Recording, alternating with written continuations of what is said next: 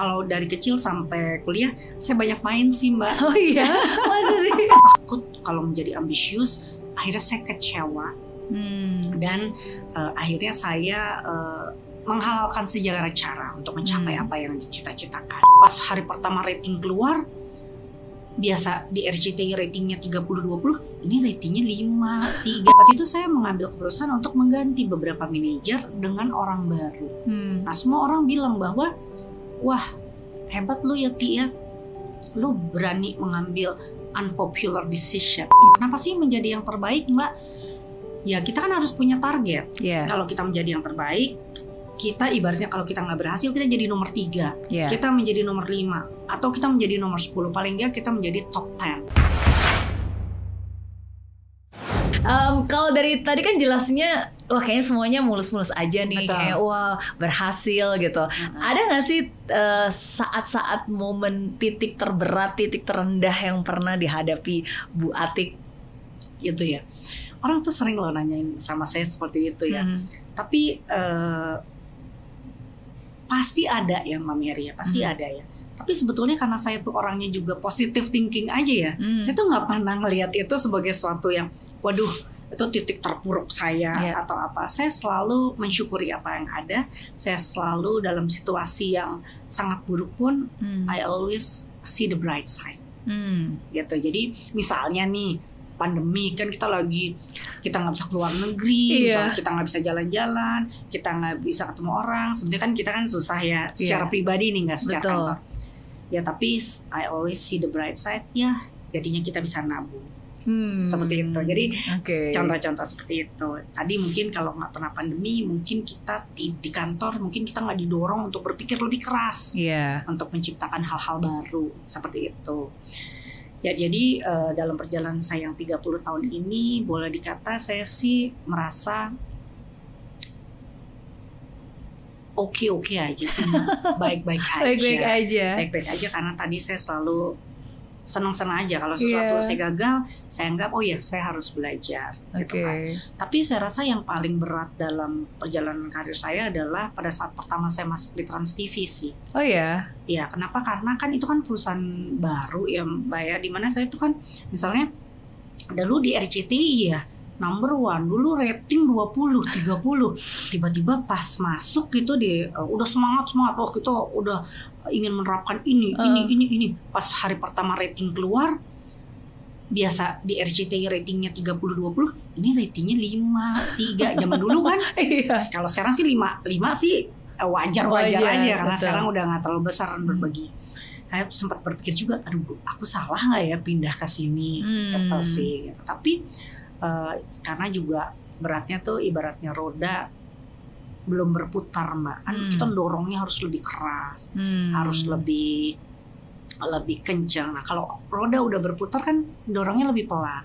Nah mungkin Hmm. itu sih hal-hal yang paling berat dalam hidup saya. Tentunya juga Oke. kita waktu itu kan bergabung ada yang dari Indosiar, ada Hmm. yang dari SCTV, ada yang dari RCTI, mungkin juga penyesuaian penyesuaiannya kan di Iya. situ kan eh, lumayan berat juga. Oke, oke. Gitu. Jadi tapi kalau dibilang pernah nggak sih gagal yang kalau gagal sih ya kalau menurut saya eh, sekali eh, awal-awal nggak capai target gitu ya biasa adalah dalam hidup ya gitu. Iya, iya, iya. Jadi makanya saya bilang kalau orang selalu nanya, saya bingung gitu jawabnya. Apa sih, mbak kayaknya semuanya mulus-mulus aja. Mungkin nggak mulus-mulus aja ya. Iya. Cuman karena saya selalu memandang itu sebagai challenge. Bahwa Betul. kegagalan itu ya harus dipelajari kenapa dan berikutnya harus jadi sukses. Jadi buat saya sih ya biasa aja ngejalaninnya. Betul, Gitu. betul. Karena cara berpikir kita Berbeda, berbeda mungkin, ya. iya. Mungkin maksudnya kita always to see uh, optimis itu kan bukan hanya melihat yang terbaik, tapi Betul. apa pun keadaannya ya kita selalu aja ada yang sisi Betul, baiknya iya. gitu. Nah mungkin ada juga nih mbak cerita yang mungkin juga waktu kita pertama kali waktu kami mengambil alih kita akuisisi Hmm. Trans 7 gitu Hmm. kan. Eh, waktu itu kan eh, karena kan dari merugi kita gimana caranya supaya bikin eh, Hmm. itu positif kan. Nah waktu itu pada saat jadi saya jadi presdir saya diminta oleh Pak Citi untuk melakukan presentasi kan. Akhirnya saya melakukan presentasi. Presentasi saya bilang ini nih Trans 7 ini isinya begini begini begini begini begini begini Hmm. dan uh, karyawan SDM-nya seperti ini, seperti ini, seperti ini dari program seperti ini, dari uh, semua dari sales, dari Hmm. produksi, dari ini. Nah, yang harus lo action plan-nya adalah ini ini ini ini Hmm. A B C D. Kata PCT waktu itu ya kamu udah bagus karena kamu udah tahu masalahnya berarti kamu telah menyelesaikan 50% dari masalah. Hmm. Tetapi berikutnya adalah keberanian kamu untuk menjalankan action plan-nya. Hmm. Nah waktu itu Mbak eh, karena saya melakukan assessment untuk Hmm. seluruh SDM dan akhirnya saya harus em, eh, mengganti Hmm. beberapa posisi manajer Hmm. dengan orang baru. Kenapa? Karena menurut saya eh, kita juga harus menunjukkan kepada karyawan, pada organisasi bahwa kalau kita bekerja dengan baik, Anda akan mendapat reward yang baik. Hmm. Tapi kalau ada posisi-posisi penting tidak menjalankan tugasnya dengan baik dan tidak dipunish, Ya. ya orang juga bingung dong ini perusahaan mau jadi Iya. apa gitu. Jadi waktu itu saya mengambil keputusan untuk mengganti beberapa manajer dengan orang baru. Hmm. Nah semua orang bilang bahwa wah hebat lu ya Ti ya, lu berani mengambil unpopular decision Hmm. gitu. Mungkin itu juga suatu titik eh, krusial juga sih Mbak Mary. Tapi menurut saya, saya nggak bisa, saya nggak melihat tuh ada namanya unpopular decision. Hmm. Menurut saya setiap decision itu bisa popular, bisa unpopular, tergantung dari sudut pandang kita melihat, Mbak. Hmm. Kalau menurut saya, saya mengganti misalnya empat orang manajer, tapi dengan diganti empat, perusahaan itu maju dengan pesat, Hmm. berkinerja dengan baik dan menghasilkan profit yang baik yang akhirnya karyawan dapat bonus. Ya. Mungkin di mata empat orang ini dan segelintir orang, saya mengambil unpopular decision. Ya. Tapi untuk the rest of the karyawan yang which is 1.500 orang itu decision yang saya ambil adalah popular karena Yeah. kenapa membuat perusahaan lebih bagus dan mensejahterakan karyawan pada Yeah. ujungnya gitu jadi saya eh, selalu bilang buat saya nggak ada unpopular decision Ya. tinggal dari sudut pandang mana kita melihat sebuah decision itu diambil dan Hmm. selama decision itu bisa menghasilkan sesuatu yang baik ya itu semuanya menjadi popular Hmm. Gitu. Iya. Iya. Tadi tapi itu tadi kan banyak orang, aduh ntar gue nggak disukain Iya. orang. Buat saya kalau itu baik, kenapa harus kita takut gitu sih. Betul betul ya as as a leader mungkin ya memang itu salah satu tugas terbesar Betul. kita ya untuk uh, make a decisions Mhm. and then like ya memanage the team dan memake Iya. decisions karena setiap hari ya ya itu karena one decisions that we make itu ya efeknya ke seluruh um, karyawan yang ada di Perusahaan, perusahaan iya. kan ya well some people will take it as a uh, apa beban Iya. tapi ya kalau kita mau melihat dari sudut pandang yang lain ya itu kesempatan Iya. sebenarnya ya kan Hmm. oke em, dua pertanyaan terakhir nih buat Ibu Ah. Atik nih. Saya pengen ngobrol banyak nih karena saya- setelah saya, ngobrol saya selalu belajar banyak banget. Ah, tapi dua pertanyaan terakhir mungkin pertanyaan yang pertama adalah kalau Ibu Atik bisa kembali ke masa lalu pas lagi mungkin masih remaja gitu. eh, apa nasihat yang bisa Ibu Atik berikan kepada Ibu Atik yang masih muda zaman dulu? Ah. kalau apa ya? Kan Hmm. Mbak Mary, saya tuh menikmati seluruh eh, perjalanan hidup saya dari kecil Hmm. sampai sekarang gitu. Jadi eh, mungkin kalau misalnya eh, saya balik ke kalau dari kecil sampai kuliah saya banyak main sih mbak. Oh iya, masa sih? saya banyak main kalau dia bilang saya rajin-rajin banget gak sih? Ya mungkin SD rajin tuh. Juara satu juara dua gitu. Ah. SMP juga banyak. Dari SD sama SMP banyak ekstrakurikuler Ah. sampai SMA dilakukan. Kemudian kita kuliah ya.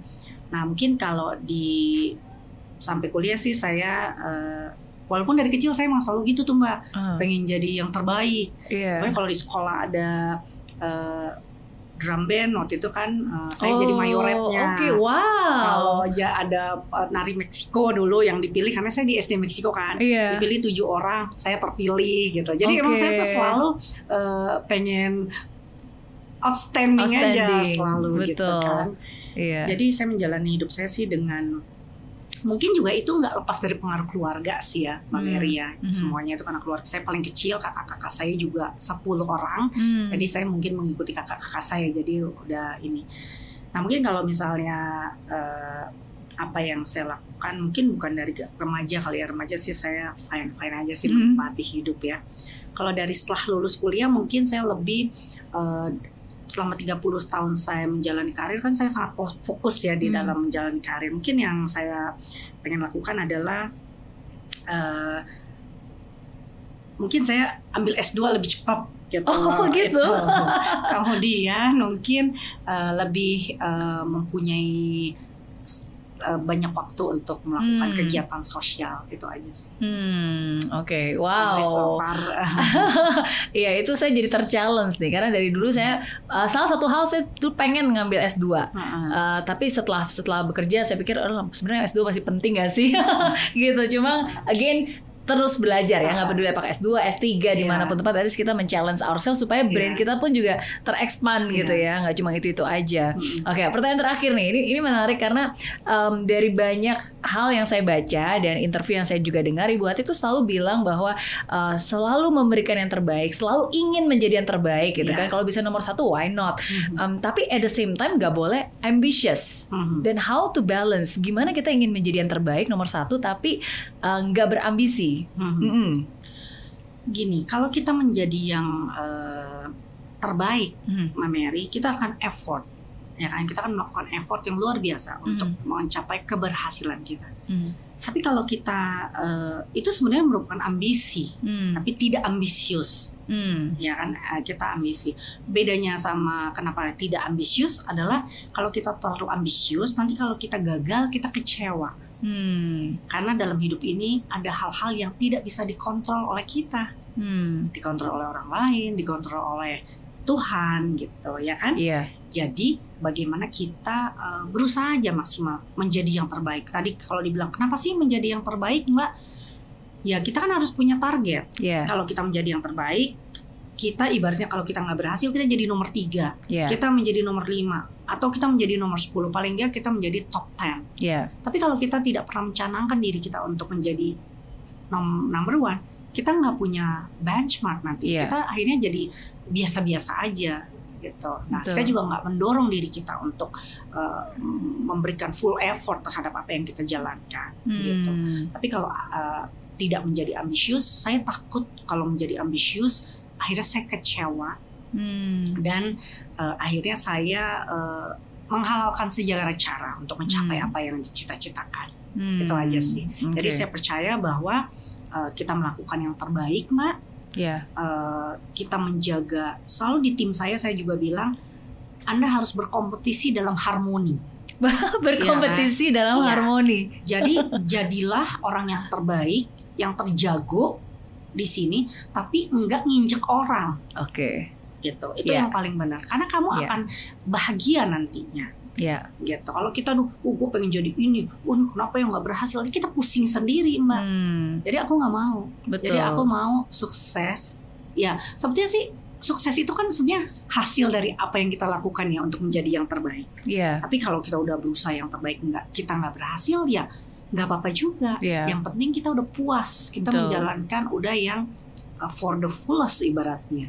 Iya. Iya. Gitu. berkompetisi dalam harmoni ya oke Betul. itu juga bisa jadi tagline nih oke dan emang bener sih kita eh, nggak perlu menjatuhkan orang lain untuk menjadi tinggi nggak perlu menjelekan orang lain untuk menjadi baik gitu yang penting lakukan benar-benar apa menjadi porsi kamu dengan sungguh-sungguh dan apa pun hasilnya ya kalau itu sesuai dengan yang kamu mau bagus. Tapi kalau itu tidak sesuai mungkin Tuhan tahu yang lebih Iya, baik gitu buat betul. kamu Iya. gitu kan? Ya oke.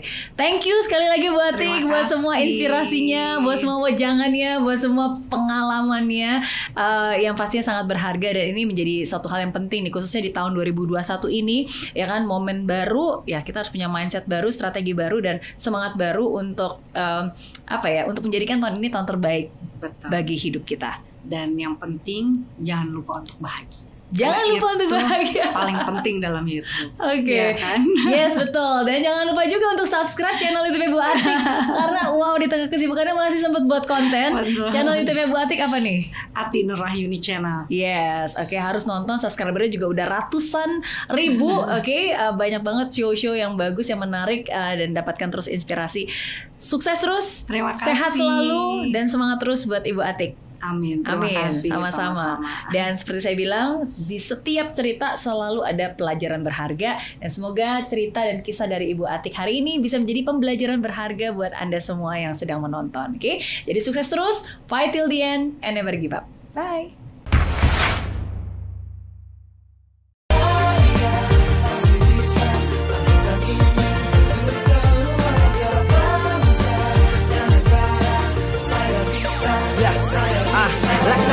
Tanpa hujan, hidup tanpa tujuan, kering dan mati tanpa hijaunya tumbuhan. Ah, demikian kalau mimpi tak kunjung terjadi.